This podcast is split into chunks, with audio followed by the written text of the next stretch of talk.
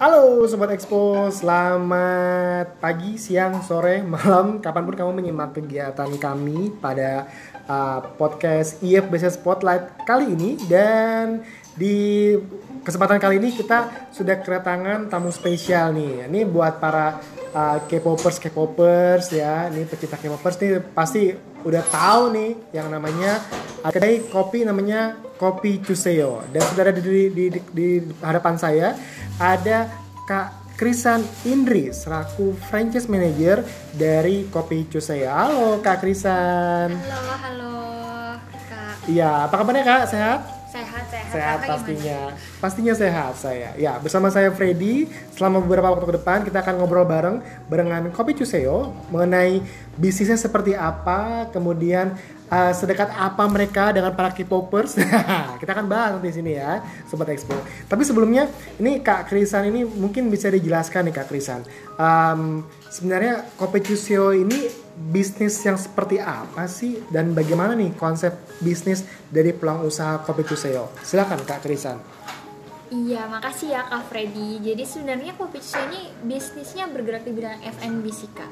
Cuma kita memang konsepnya ini cafe K-pop yang menjadikan Kopi Cucio ini sebagai tempat kumpul para K-pop fans. Jadi benar yang tadi Kak Freddy bilang ya, Mhm. banyak banget gitu fans-fans K-pop yang bingung gitu mau ngumpulnya di mana. Karena kan mereka kadang suka ngadain ulang tahun ulang tahun Iya, iya. idolnya gitu ya. Iya, bener-bener banget. Kan kalau Iya, kita di ya. kafe lain kan mungkin agak malu ya nyanyi-nyanyi Bener, kayak bener, gitu. bener, bener. Nah, kita ingin jadi tempat untuk untuk mereka lah, wadah untuk mereka. Seperti itu sih, Kak. Oke, nah kalau bicara masalah sejarah sendiri nih, ini Kopi Cuseo udah sejak sejak kapan sih Kak Krisan? Kopi Cusio itu dari 2019 akhir, Kak. Jadi Hmm. menariknya itu waktu belum pandemi ya Aha, aha. di Indonesia. Cuman kita berkembang pesatnya di 2020 awal. Oh oke. Iya, berarti awalnya satu gerai ya di 2019. 19, 19, kemudian sampai saat ini udah tersebar jadi berapa udah berapa gerai sampai saat ini Kak? Kita ada 48 orang. 48 gerai per Desember 2022 ini ya. Betul. Oke, nah itu du- 48 itu mitra semua atau semua punya pusat? Nah, kalau kita ini semuanya mitra, Kak. Jadi Oh. nggak ada yang punya pusat. Mungkin ada yang punya Pak Daniel satu ya. Baik, baik. Di Scientia Square Park itu cabang pertama kita. Hmm, Oh jadi yang sering sering muncul di beberapa kegiatan kopi Cuseo itu Pak Daniel namanya ya? Iya, betul. Beliau Oh. ada CEO kita gitu. Oh, baik. direktur. Nah tuh Sobat Expo itu namanya Pak Daniel. Nah kalau sekarang kita ngobrol bareng sama Kak Krisan Indri nih. Ini franchise manager dari Kopi Cuseo. Nah kalau tadi kita di- dijelaskan apa Mbak Krisan, Kak Krisan mengenai Kopi Cuseo itu seperti apa, yaitu bisnis coffee shop untuk uh, K-popers fans gitu ya. Kemudian uh, untuk konsep kemitraannya yang ditawarkan seperti apa sih ini Kak Krisan?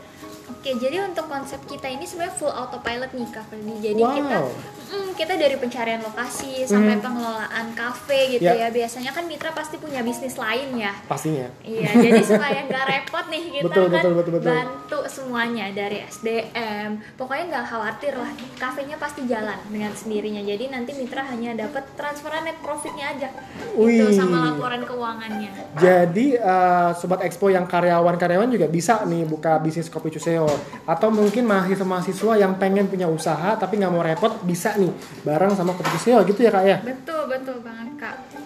Kemudian kalau misalnya bicara, bicara, masalah kopi cuseo nih, pasti kan orang penasaran ini 48 ini udah ada di mana aja nih kak Krisan? Mungkin bisa diinfoin ke sobat expo. Oke, kalau kopi cucio ini sebenarnya udah menyebar ya kak dari Medan sampai Kupang. Jadi kita tersebarnya seluruh Indonesia. Mhm. Nah untuk tahun ini sih kita lagi kembangin di Jabodetabek yang Oke. untuk full autopilotnya itu. Gitu. Kalau di Jabodetabek sendiri sudah ada berapa gerai nih kak? Kurang lebih 50%-nya di Jabodetabek kak. Oh dari 48 itu ya? Iya betul. Jadi jadi terbanyak di Jabodetabek. Jabodetabek. Nah, kalau di Bekasi sendiri sudah sudah ada belum kak? Di Bekasi kita ada kak dua di Bekasi Galaksi sama Bekasi Harapan Indah. Nah, wow tuh anak-anak Bekasi tuh ya. Bener. Karena setahu aku Bekasi juga banyak juga tuh K-popersnya. Bener bener kak salah satu yang kayak top banget nih. Mhm. Bekasi tuh komunitas K-popnya luar biasa. Bekasi, Pamulang, Iya, Pamulang ya ya. Kalau Depok banyak gak sih kak? Depok. Banyak juga kita juga ada kak di Depok Margonda. Tuh di Margonda ada Sobat Expo. Jadi kalau kamu memang nih yang aku uh, K-popers sejati yang yang bingung mau bikin event di mana untuk temu kangen gitu ya, uh, ngebahas-ngebahas uh, para artis-artis K-popnya atau ngerayain ultra K-popnya bisa banget ya Kak Krisan ya. Jadi langsung aja menuju ke ke Juseo terdekat. pastinya karena udah ada 48 juga tersebar eh, senusantara udah ada di Medan juga di Kupang juga gitu ya kemudian eh, mungkin ini jadi pertanyaan juga nih Kak Krisan bagi Sobat Expo terutama bagi mereka yang mau buka usaha ya mereka pasti akan mikir nih bedanya kopi Cuseo dengan kopi shop bisnis kopi shop lainnya apa Krisan? Oke, iya menarik sih kak karena kan bisnis kopi sekarang banyak banget ya dan untuk makanan minuman Korea juga sekarang banyak banget di Betul. Indonesia gitu. Yang membedakan ini sih kak kita tuh punya komunitas. Jadi komunitas ini adalah pecinta K-pop tadi. Balik Betul, lagi betul. mereka yang datang ke kafe untuk merayakan idolnya ulang tahun, enif atau misalnya keluarin lagu baru, album baru dan emang mereka ini udah kita maintain kak. Jadi yang membedakan mungkin di komunitasnya ya. Kita Ya, jadi punya segmented market ya Betul. Jadi kita riding on community banget lah gitu. Mhm, Jadi mhm. kita sama dia tuh nempel lah gitu. Mungkin itu ya yang nggak dipunyain sama uh, Coffee shop lainnya. coffee shop lainnya. Betul. Jadi eh, ini apa ya? Jadi eh, coffee shopnya para K-popers K-popers, K-popers abis luar biasa. Kemudian nih kalau calon mitra nih mau bergabung menjadi mitra dari Kopi Cuseo, ini kira-kira apa sih yang harus dipersiapkan si mitra? Yang perlu dipersiapkan sebenarnya simple sih kak, hanya dananya aja karena ini full autopilot. Jadi me- memang mereka bergerak sebagai investor pasif ya. Oh, Jadi gitu, ya. hanya Cukup dana aja ya. Cukup Nah, aja. berapa tuh Kak kira-kira? Nah, dananya itu cukup 200 juta aja ini udah dua merek kak untuk kopi Cuseo dan Mogoyo juga. Jadi untuk kopi Cuseo minuman, Mogoyo makanannya. Oh, jadi ambil bisnis ini langsung include dua itu ya? Betul. Kopi Cuseo dan Mogoyo gitu ya?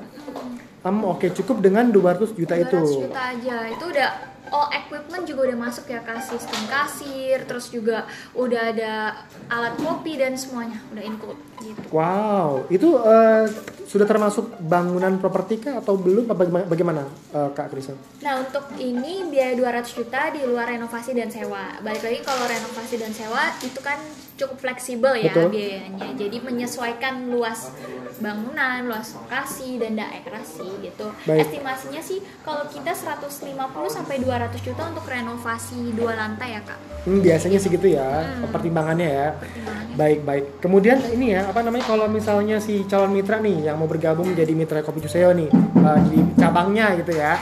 Eh, ini bisa perseorangan atau harus ber PT, badan hukum? Nah kalau kita bisa dua-duanya kak, kita bisa perseorangan, bisa badan hukum juga bisa. Oh oke, ini penting nih bagi uh, sobat expo yang mau buka usaha atau bagi para investor biasanya nih Kak Krisan balik modal. nih berapa lama sih balik modal yang udah pernah tercapai di uh, Cuseo Kak? Oke dari hasil evaluasi para mitra itu kita bisa paling cepet bahkan ada yang satu tahun di di bawah satu tahun gitu. Oh, ada ya? Ada ada yang di bawah satu Wow. tahun. Tapi untuk paling maksimal nih kak itu di angka dua tahun sih. Biasanya. Gitu, biasanya. Mm-mm. Mm. Dari pengalaman dari mitra yang pernah per- udah berjalan segitu ya. Iya, betul. paling cepat di bawah setahun, Paling cepet. uh, paling lama setidaknya lah dua tahun gitu lah ya. Oke oke. Nah kalau untuk masa kerjasamanya sendiri nih kak di mitra sama Cuseo berapa lama tadi masa kerjasamanya? Kerja sama kita sama empat tahun sih kak. Jadi aman kan ya. Hmm. BMI kalau misalnya paling maksimal dua tahun dua tahunnya masih bisa nikmati lah profitnya gitu betul. ya. Oke, jadi selama 4 tahun kerjasamanya, kemudian kalau nih si mitra nih ya eh, udah selesai 4 tahun terus mau per- perpanjang karena karena suka nih dengan brandnya mau perpanjang nih Kak Krisan itu ada prosedur apa nih yang harus diper- dipersiapkan si calon si mitra yang sudah bergabung mau perpanjang ini? Kalau itu sih jangan khawatir ya kak. Kalau untuk perpanjangan ini bisa diinfo aja langsung ke kita. Nanti kita mungkin akan cek juga gitu ya kelayakannya apakah masih Mhm. oke atau enggak gitu. Iya, iya. Dan eh, untuk perpanjangannya itu cukup bayar lisensi mereknya aja sesuai dengan deal di awal berapa Baik. kayak gitu. Oh, oke. Jadi cukup bayar ininya aja ya, biaya merek di awal aja gitu ya. Di awal aja. Oke, Ini, ini cukup penting juga nih Kak Krisan buat Sobat Expo yang bergabung jadi mitranya. Ini masalah SDM nih Kak. Biasanya ini kalau SDM, apakah disiapkan dari pusat atau mitra boleh nyiapin sendiri SDM-nya? Bagaimana? Nah kalau SDM biasanya emang repot ya kak ya. Biasanya kalau untuk mitra, kalau dari kita ini kan karena full autopilot udah kita sediain semuanya. Jadi Baik. dari SDM udah kita cariin semuanya sampai training. Nah kalau misalnya tiba-tiba nih ada yang resign atau mengundurkan diri gitu, Betul, biasanya kan betul. kita repot lagi tuh iya ya. benar mitra panik biasanya tuh. panik panik takut nggak ada yang jaga tiba-tiba Betul, betul, gitu betul. tapi jangan khawatir kak karena semuanya udah kita provide kalau misalnya ada yang kayak gitu juga kita langsung tanggulangi sama uh, barista yang dari cabang lain betul betul. Oh bisa bisa apa namanya? Bukan tuker pakai ya, maksudnya bisa saling support gitu Bisa lah saling ya. support tentu Baik. Kemudian kalau misalnya eh, si mitra nih uh, punya kandidat untuk diajukan sebagai uh, pekerja di gerai dia, bisa memungkinkan tuh kak?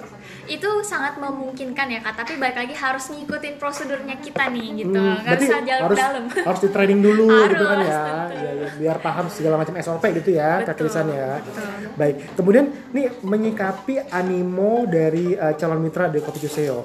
Um, kira-kira ada ada pengaturan jarak nggak sih? Terus ada pembatasan jarak misalnya harus berapa kilometer, berapa kecamatan gitu? Mengingat animo yang besar ada seperti itu kak Krisan. Ada sih kalau dari kita ini minimal 5 km ya kak dari Mhm. existing cuci yang udah ada sebelumnya. Baik. Tapi untuk yang coming soon itu kita per kelurahan. Cuman balik lagi nggak semua kelurahan kita kita bisa buka cuci gitu. Harus ada filter tempatnya juga. Ada filter tempatnya. Nih, nah yang memfiltrasi itu apa tuh kak? Kalau yang untuk filter pertama sih dari jumlah penduduk ya kak. Kita minimal tuh 40.000 jiwa.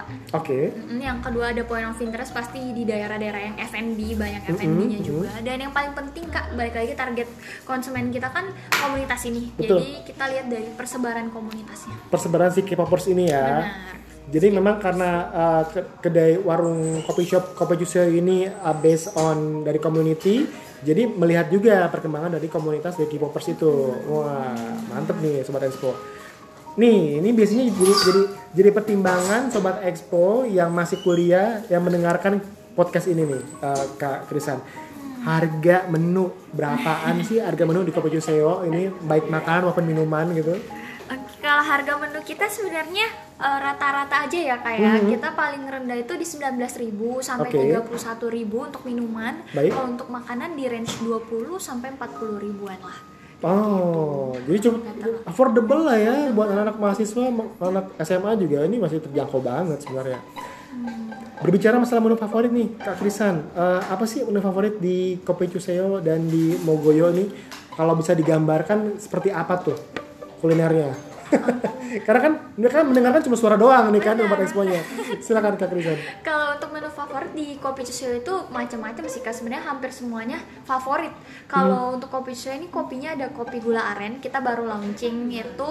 Terus kemudian yang non kopinya lebih banyak malah kak favoritnya. Jadi ya, Oh. ada Minchoko itu Ya, ya, di ya. Korea Selatan emang booming minumannya kak. Terus ada Spring Day itu susu strawberry gitu. Hmm, wow. Kalau yang segar-segar ada Blue Flame gitu, Baik. soda, kemudian ada jeruknya kayak gitu. Kalau untuk yang makanan sih kita ada Korean snack ya kayak yang favoritnya pasti topoki lah ya.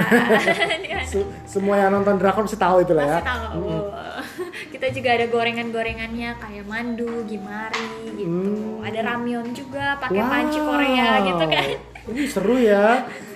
Nih kalau kamu sobat Expo penasaran kayak gimana tampilan bentuknya langsung aja lihat di Instagramnya. Apakah Krisan Instagramnya Kopi Cuseo? Instagramnya @kopicuseo.id. At kopicuseo.id atau bisa berkunjung juga ke websitenya. Di mana tuh kak? Di franchise Kopi Cuseo di search aja. Oh di search aja ya.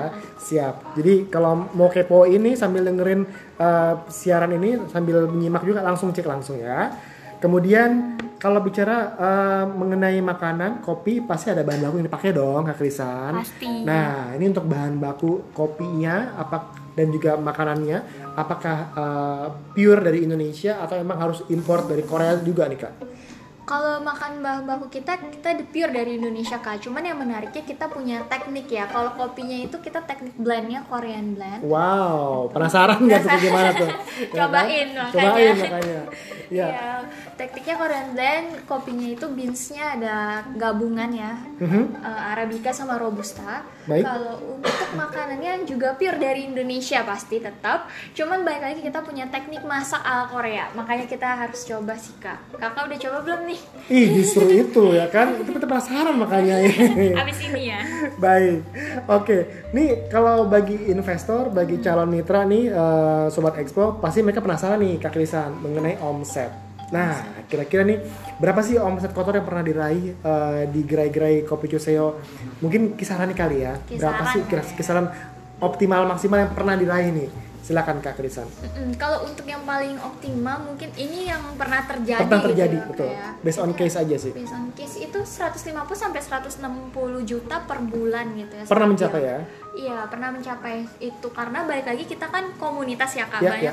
banyaknya event yang mereka lakukan di cafe itu juga mempengaruhi omset. Bah, pastinya. Kayak gitu. Jadi eh, bisa juga ada satu outlet yang dia mengadakan satu hari ada dua event, tiga event dan Mhm. itu sangat-sangat mempengaruhi omset sih kak. Jadi eh, balik lagi semakin rajin kita bikin event itu pasti omset berpengaruh ya Berpengaruh pastinya ya. Iya. Dan emang Kopi Cusio udah mempertimbangkan nih di mana Kopi Cusio hadir pasti sudah ter, ter- apa namanya terdata nih si K-popersnya perkembangannya oke di arah itu pasti ya. Iya, betul. Baik. Kemudian eh, nih buat para calon mitra dari Kopi Cusio yang tertarik untuk bergabung menjadi eh, mitra dari Kopi Cusio, ada promo apa nih Kak di sepanjang 2022 ini atau mungkin bers- bersambung ke 2023 nanti? Hmm, pasti kita pasti ada promosi kak kemitraan ini. Mhm. Tadi kan kita buy one get one brand sebenarnya kak. Kopi Cuseo beli kopi Cuseo dapat mogul juga. Iya ya, bener ya. Ya, buy one get one brand Iya, iya. kan. Dan itu hanya 99 juta aja kak. Wow. Gitu. Dan lisensinya itu untuk 4 tahun. Jadi eh, nggak perlu khawatir ya kayak sebenarnya. Karena promo ini sih sebenarnya terbatas juga ya karena kan ada Betul. slotnya ya udah ya, lokasi slot lokasinya terbatas sobat expo. Pasti. Jadi kalau kamu emang uh, tertarik di daerah mana, mending langsung kontak deh nanti ya. Nanti kita share juga kontaknya. Langsung kontak ke Kopi Cuseo, langsung pilih mau slot di mana nih yang kamu mau buka gerai jadi Kopi Cuseo. 99 juta aja men, ya kan? Nah, dapat dua merek lagi kak. Tuh, mantep, ya kan? Baik, ini eh, kita mau sedikit discuss mengenai target ya. Target di 2022 ini apa sih dan apakah sudah tercapai, Mbak Krisan? Kalau target 2022 sejauh ini sudah tercapai sih kak. Kita pingin banget waktu itu mengoptimalkan di bagian full autopilot untuk mitra ya. Mitra, ya. Hmm, jadi kita nggak mau mereka repot lah intinya karena kan banyak mitra yang mungkin bukan K-popers gitu ya. Iya, iya. Sedangkan eh, dari hasil evaluasi memang untuk omset itu sangat berpengaruh nih sering buat event atau enggaknya gitu. Betul, Jadi betul, kita ingin sangat ingin membantu lah di bagian itu. Jadi untuk target 2022 ini sih sebenarnya sudah tercapai sih kak. Iya. Kalau untuk 2023 nanti eh, apa target ini, Kak Krisan? Nah untuk 2023 ini kita sama masih sama ya mengoptimalkan di full autopilot, tapi kita pasti ada target untuk menambah outlet ya Di 2023 nanti di ya. 2023 gitu. Siap-siap. Ya, mungkin sekitar 50 100 outlet Sampai lagi kali ya. Amin. Amin amin amin. kalau bisa 100 sampai 150 ya kan. Ih, luar biasa. Baik. Nih mengingat eh, apa namanya? Mengingat mitra Kopi Cuseo yang sudah cukup banyak nih. Ada tadi 48 kalau nggak salah ya, Kak ya. Hmm. Iya, betul. Nah, apa sih kiat-kiat untuk mempertahankan mitra yang sudah ada nih, Kak Krisan? Mungkin bisa di-share. Iya kalau Kopi Cusio sih sekarang lagi banyak banget ya kan mengembangkan di bagian marketing awareness gitu. Kita sering banget kerja sama sama eh, merek-merek atau eh, promotor-promotor konser kan sekarang banyak banget nih konser-konser K-pop ya di Oh iya benar-benar. gitu. Kemarin Ya. juga ada NCT ya kan datang kan? Iya iya iya iya. Hmm, waktu Jadi itu ada Eun-woo, Hmm, betul. Iya, gitu. iya saya bingung tuh band apa ya. Tapi rame aja penontonnya, luar biasa. Iya. Jadi selain eh, apa tadi eh, awareness, ya kan, Awareness. kemudian kerja sama promotor promotor eh, K-pop gitu ya. Terus Nah. juga kalau kalau salah ada brand ambassador ya. Iya betul kak. Jadi kita lagi kerja sama sama brand ambassador K-pop star. Jadi nggak kalau nggak nggak artis lokal ya, artis Bukan, iya, iya. idol K-pop gitu. Dari Korea ya. Dari Korea. Hmm, dari Korea loh. Iya iya. Iya. Ah, namanya apa tuh kak? One Us. One Us. Iya, kita lagi kerja sama sama mereka. Eh, kita bikin photocard itu merchandise yang bisa dibeli di cabang-cabang. Kemarin di seluruh cabang sold out kak. Ini berapaan? Murah kan cuma 35.000 udah dapet sama minuman. Tuh, Dan- paketan tuh. Dan Sobat itu Expo. official loh. Official ya, Official. selama persediaan masih, Masih ada, ada. Sobat Expo. Jangan lewatkan tuh ya. Ih, luar biasa. Jadi ini emang emang benar-benar jadi jadi wadah buat komunitas K-popers banget nih ya, Kak Krisan ya. banget sih benar untuk K-popers tuh mungkin jadi tempat nongkrong ternyaman lah kita berharap ternyaman gitu. iya iya. Karena mungkin bahasan ngobrolnya akan sama uh, tampilan-tampilan so, apa namanya uh, musik-musiknya juga pasti uh, Korean Korean ya kan K-pop K-pop kan. Nggak mungkin uh, kita kalau nongkrong di tempat lain request susah ya. Susah, susah ya susah. Ya kan kalau sini dia langsung dihadirkan ya kan Oke, kemudian nih buat si sobat expo nih yang tertarik untuk menjadi mitra dari Kopi Jusio, mereka harus hubungin ke mana nih Kak Trisan?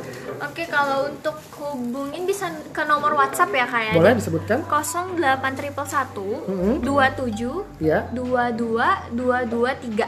Oke, di 08 27 kemudian duanya 4 Empat kali kali. ya, kemudian 3.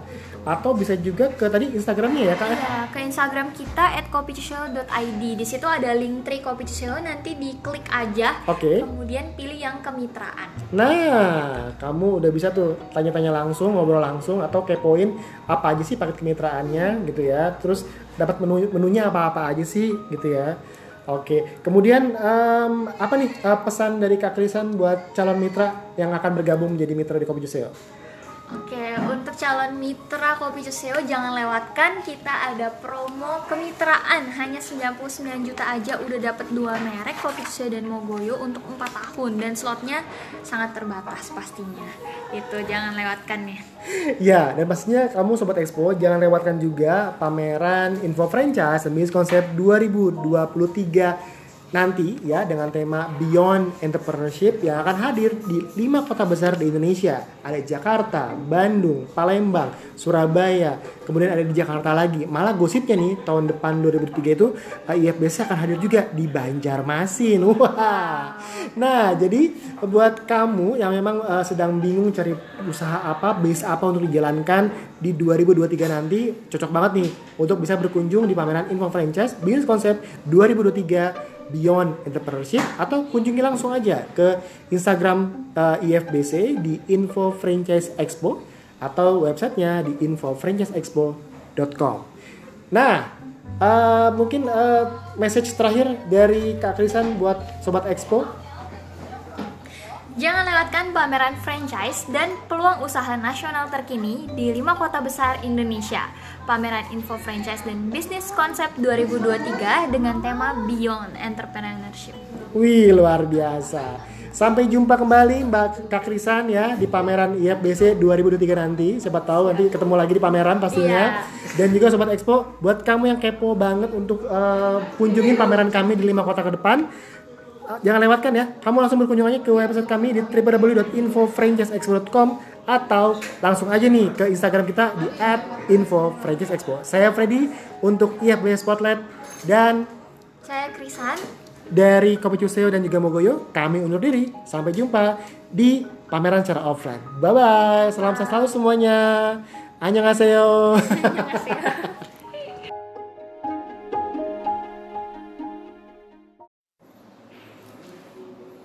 Halo Sobat Expo, hai ketemu lagi bersama saya Freddy dari tim PR Neo Promosindo. Tentunya dalam rangkaian pameran Info Franchise Business Concept Dan tahun ini tahun 2023 Anyway, selamat tahun baru buat teman-teman semua yang merayakan pastinya. Dan di tahun baru ini eh, harapannya semoga semua bisnis teman-teman Sobat Expo Berjalan semakin bagus, semakin berkembang Dan semakin banyak mitranya. Bagi kamu yang menawarkan konsep kemitraan dan waralaba pastinya ya.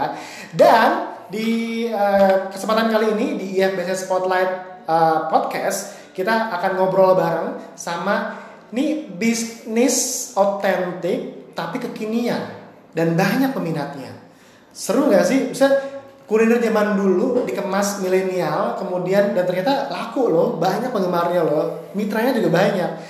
Dan here we are ada usaha rakyat grup. Ini ada brandnya antara lain kedai es jadul, pisang eh pisang goreng eh, pisang goreng legend. kemudian tahu garing, sama Mister Tebu. Ayo, familiar nggak brand-brandnya kalau kamu main ke mall, ya kan? Familiar kan? Nah itu tuh ada di bawah grupnya usaha rakyat dan sudah ada di depan saya ada Kak Steven Bahar atau Mas Steven Bahar selaku GM dari usaha rakyat grup. Selamat pagi, siang, sore, malam, Mas Steven. Selamat pagi, siang, sore, malam, Mas. Iya, karena kan Sobat Expo nggak tahu nih nyimaknya kapan. betul, betul, betul, betul. Iya, oke. Mas Steven ini sebagai GM dari Ya. usaha rakyat grup. Betul. Kemudian di usaha rakyat grup ini ada empat brand tadi itu ya. Ya. Eh, ada es krim, kok kedai es jadul, tahu garing, pisang goreng, legend, sama Mister Tebu. Apa alasannya bikin keempat brand ini, Mas Steven? Jadi sebenarnya gini sih, Mas. Eh, kita sebagai pelaku F&B ini, Ya, ya. ini tidak secara general, Ya. cuman kita melihat tuh sekarang tuh ada dua. eh, ini yang kami lakukan tuh ada dua, dua jenis strategi Oke. di pelaku F&B. Yang Hmm. pertama itu yang paling familiar mungkin. Kita istilahnya adalah riding the wave. Wis ya. Ikutin aja arus. Iya. Apa yang lagi viral, yang lagi seru, boba lagi seru, launch aja brand itu. Oke. Itu strategi satu. Oke. Nah, strategi dua itu adalah eh, yang kita lakukan as a usaha rakyat group. Kita memberikan standarisasi Mhm. yang memang eh, bisa bilang pasarnya udah ada, produknya udah ada. Oh iya ya. Cuman kok kita merasa kita melihat problem nih. Hmm. Nggak ada yang memberikan standarisasi untuk produk-produk sendiri. Contohnya aku ambil yang paling obvious tebu. Ya. Tebu itu bukan suatu produk yang unik, hebat kayak wow tebu. Tebu itu kita bisa ketemu di pinggir jalan, di mana itu kita bisa ketemu tebu. Iya. Tapi di sini usaha rakyat mau betul yang tadi kan mau mengemas lebih higienis. Kita Hmm. memberikan rasa aman.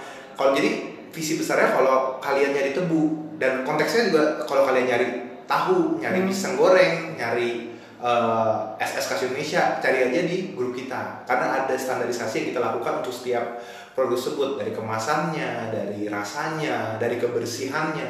Kita berikan standarisasi untuk hal-hal tersebut. Jadi sebenarnya begitu eh, background ceritanya untuk produk- eh, brand-brand ini.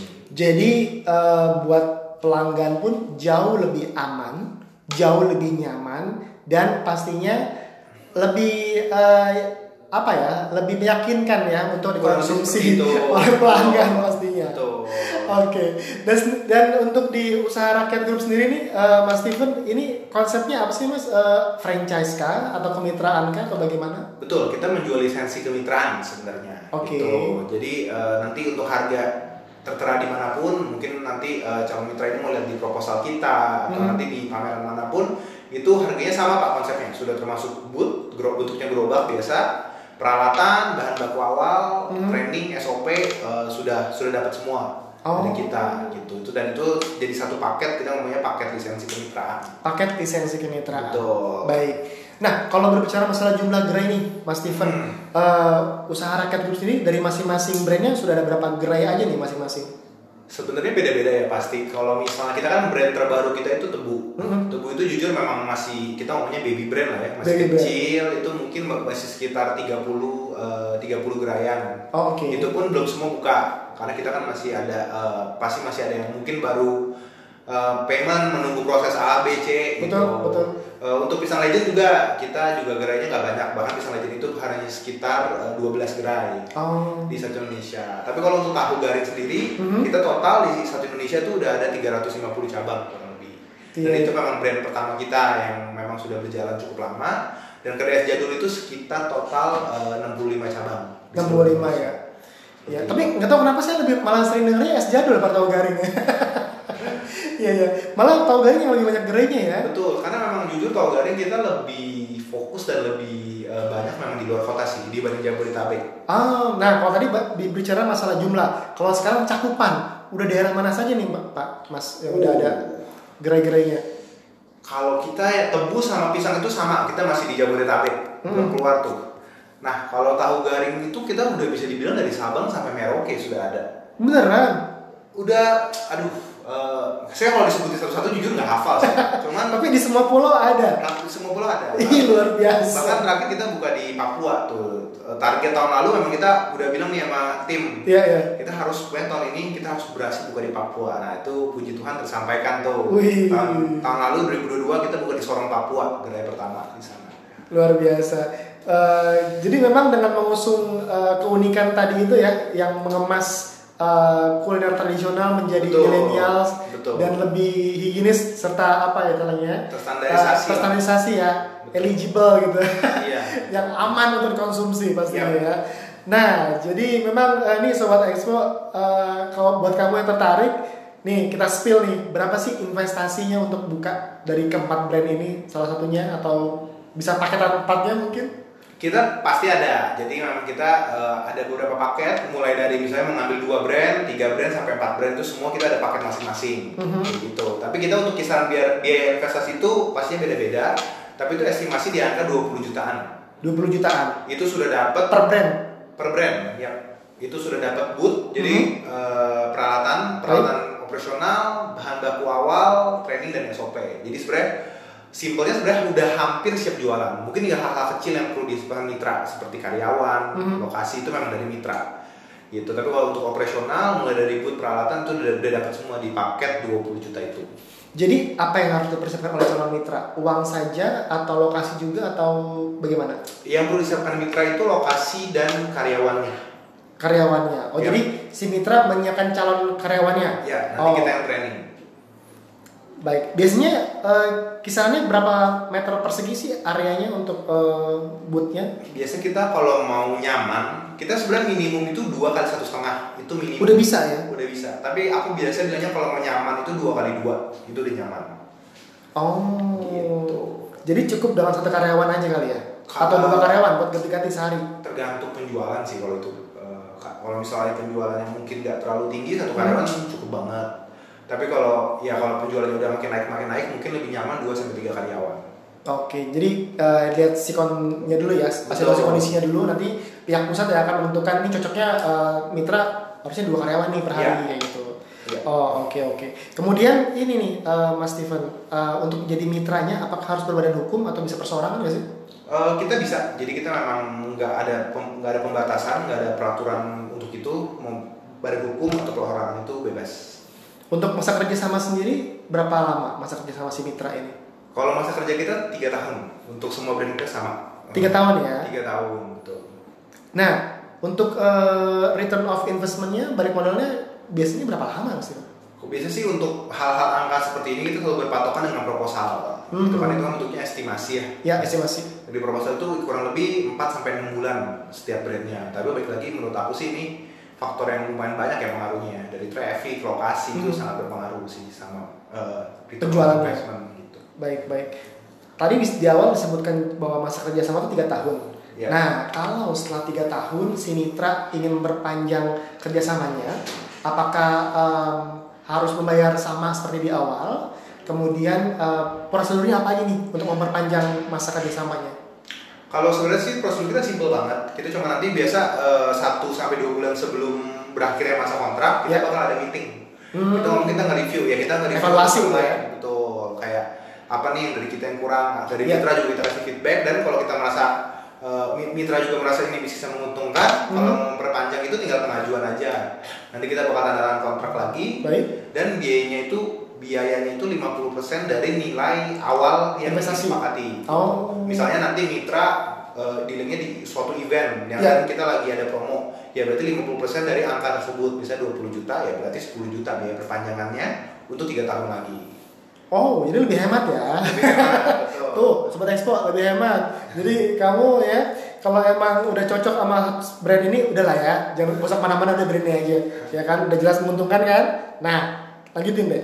Oke, kemudian em, kalau tadi masalah karyawan bisa disediakan oleh pihak mitra, kemudian kalau tiba-tiba karyawannya ada yang eh, resign, hilang tiba-tiba gitu, dibantu masih dari pusat buat backup gitu, Mas Steven? Eh, kita sudah menyediakan pastinya karyawan untuk backup. Tapi memang eh, ada biaya tersendiri lagi sih, biaya yang Mhm. terpisah dari itu. Tapi kalau memang itu lebih levelnya urgent, itu kita menyediakan. Pokoknya kita bakal tetap mengusahakan jangan sampai ada eh, tutup lah, jangan sampai kita tidak beroperasi. Iya, Gitu. sayang ya sehari Sayang. operasi sayang banget. Berarti intinya mitra pun bisa menyediakan kandidat untuk eh, karyawannya gitu Betul. ya. Baik. Kemudian ini menyikapi animo dari masyarakat nih kalau misalnya eh, mereka sangat suka dengan brand keempat brand ini dari eh, usaha rakyat grup ini, kemudian mereka pengen buka nih satu area beberapa titik. Memungkinkannya berapa sih jarak uh, maksimal antara brand satu sama brand lain yang sejenis? Kalau kita uh, antar gerai kita di brand Mhm. yang sama, itu Ya. kita jaraknya ada- adalah 2 km dan itu berlaku di semua uh, brand kita.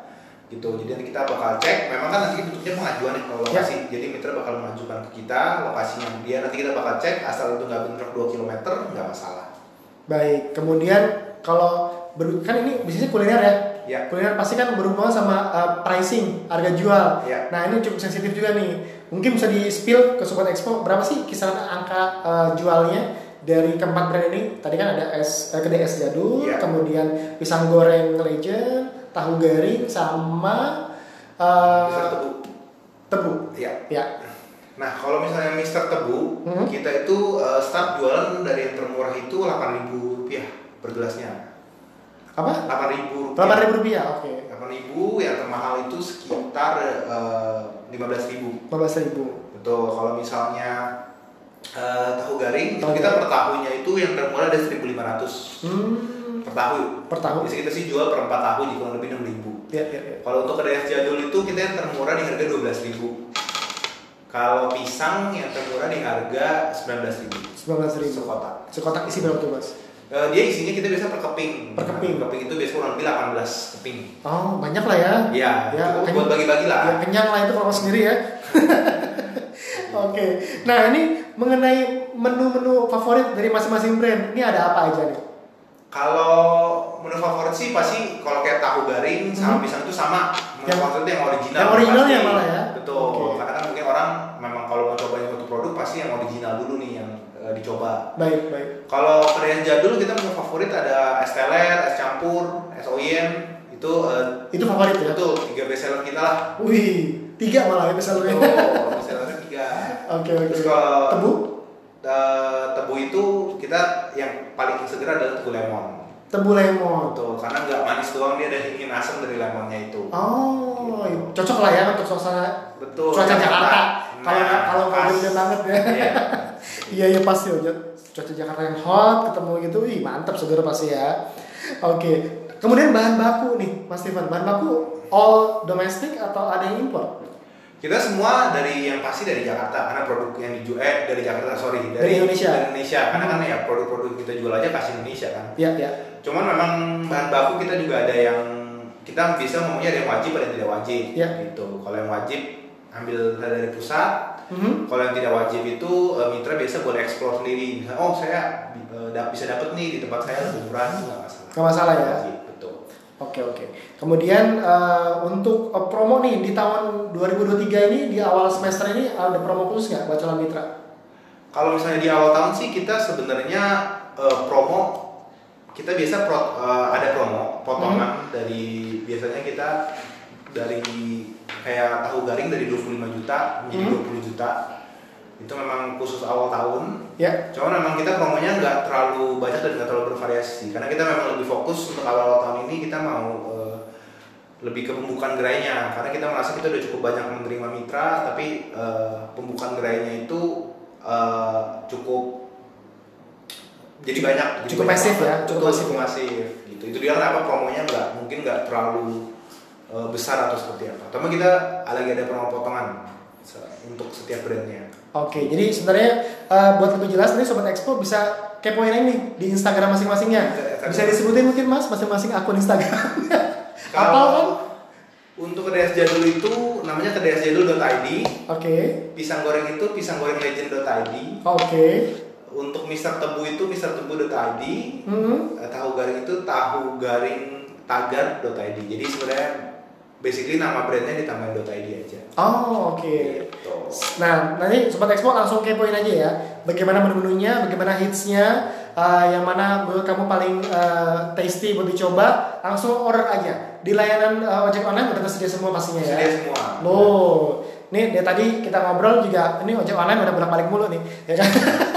Oke, kemudian ini Sobat Expo nih, eh, mungkin pengen tahu targetnya dari usaha rakyat di 2003 apa nih, Mas Steven? Kalau kita sih target yang pasti kita mau eh, lebih menyebar lagi gerainya karena Baik. sekarang kita betul udah menyebar cuma memang lebih eh, terutama untuk di luar tahu garingnya itu lebih banyak di Jabodetabek aja nih kita Baik. liputan kita pengennya ya sesuai dengan visi kita kita mau uh, menyebarnya ke satu Indonesia biar Satu Indonesia. uh, visi standarisasi tadi itu bisa ter, tercapai gitu jadi kalau orang-orang Indonesia ini mencari produk-produk ini kita jadi top of mind-nya lah kita jadi oh kalau mau beli tebu di uh, Mister Tebu aja tahu garing di Tagar aja dan lain-lain seperti itu Luar biasa. Semoga tercapai ya. Amin. Amin Oke, ini untuk dengan mitra yang sekian banyak, apa sih kiat eh, dari eh, usaha rakyat grup dalam mengelola mitra yang banyak ini?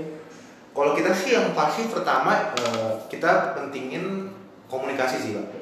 Jadi kita memang ada eh, setiap mitra itu nanti bakal punya grup, kita punya Hmm. grup operasional, di mana di sana dia punya akses gitu ke pihak kita. Baik, Jadi eh, mungkin itu yang membedakan dengan buka usaha sendiri dengan eh, kemitraan ya. mitra. Jadi kita udah punya tim yang memang nanti bisa membantu mitra jika ada terkendala masalah operasional. Kayak misalnya tahu garing, oh ini minyak saya kok cepet hitamnya, atau kok tahunya seperti ini, atau ABC itu semua kita ada di, di grup itu bisa kita saling diskusi, Bisa konsultasi juga. bisa gitu ya. konsultasi. Dan yang kedua yang nggak kalah penting ya marketing gitu. Baik. Selain kita lakukan marketing secara brand, kita juga bakal bisa membantu mitra jika mereka terkendala di marketing, konsultasi, support desain dan lain-lain. Tuh, kalian semua support Sobat Expo, tenang aja.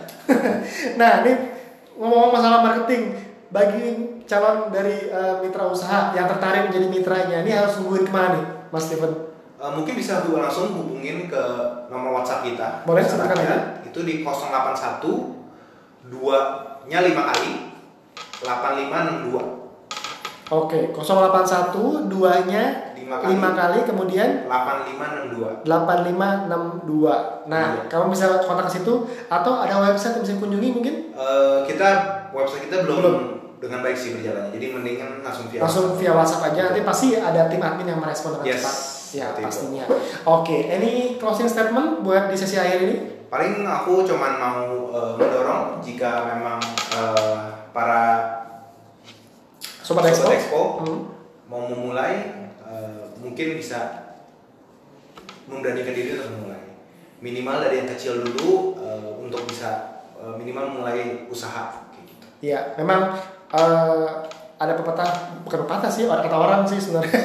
Ya usaha jangan coba-coba tapi kalau mau coba usaha eh, cobalah dengan investasi yang, yang terjangkau dulu Betul. ya kan? Nah ini kebetulan usaha rakyat nih emang usahanya merakyat banget nih Betul. ya kan? Investasinya terjangkau banget. Dan pastinya sobat itu semua jangan lewatkan pameran info franchise bisnis konsep 2023 di tahun ini yang akan hadir di lima kota. Ada di Jakarta, Bandung, Palembang, Surabaya, kemudian Jakarta dan katanya bakal hadir juga di Banjarmasin. Jadi kamu kepoin aja di www.infofranchiseexpo.com atau di laman sosial media kami ya di Instagram di @infofranchiseexpo. Kamu bisa kepoin rangkaian kegiatan kami, siapa saja peserta pameran kami, eh, apa aja eh, brand-brand franchise dan kemitraan terbaru apa aja atau bahkan jadwal pameran baik nasional maupun internasional. Pasti kami tayangkan di situ. Dan akhirnya saya Freddy selaku tim PR dari eh, Neo Expo Promosindo pameran IFBC dan ada Mas Steven dari eh, selaku GM dari usaha rakyat grup. Kami undur diri dan pastinya sampai jumpa lagi di kegiatan IFBC Spotlight Podcast bersama bisnis-bisnis kemitraan atau franchise menarik lainnya. Sampai jumpa di lain kesempatan dan pastinya kamu harus kunjungin di laman eh, website kami di www.infofranchiseexpo.com untuk cari tahu seputar bisnis waralaba dan kemitraan. Selamat pagi, siang, sore, malam, kapan pun kamu menyimak ini. Saya Frida dan juga Mas Steven. Kami undur diri. Sampai jumpa kembali. Salam sehat selalu semuanya. Bye bye.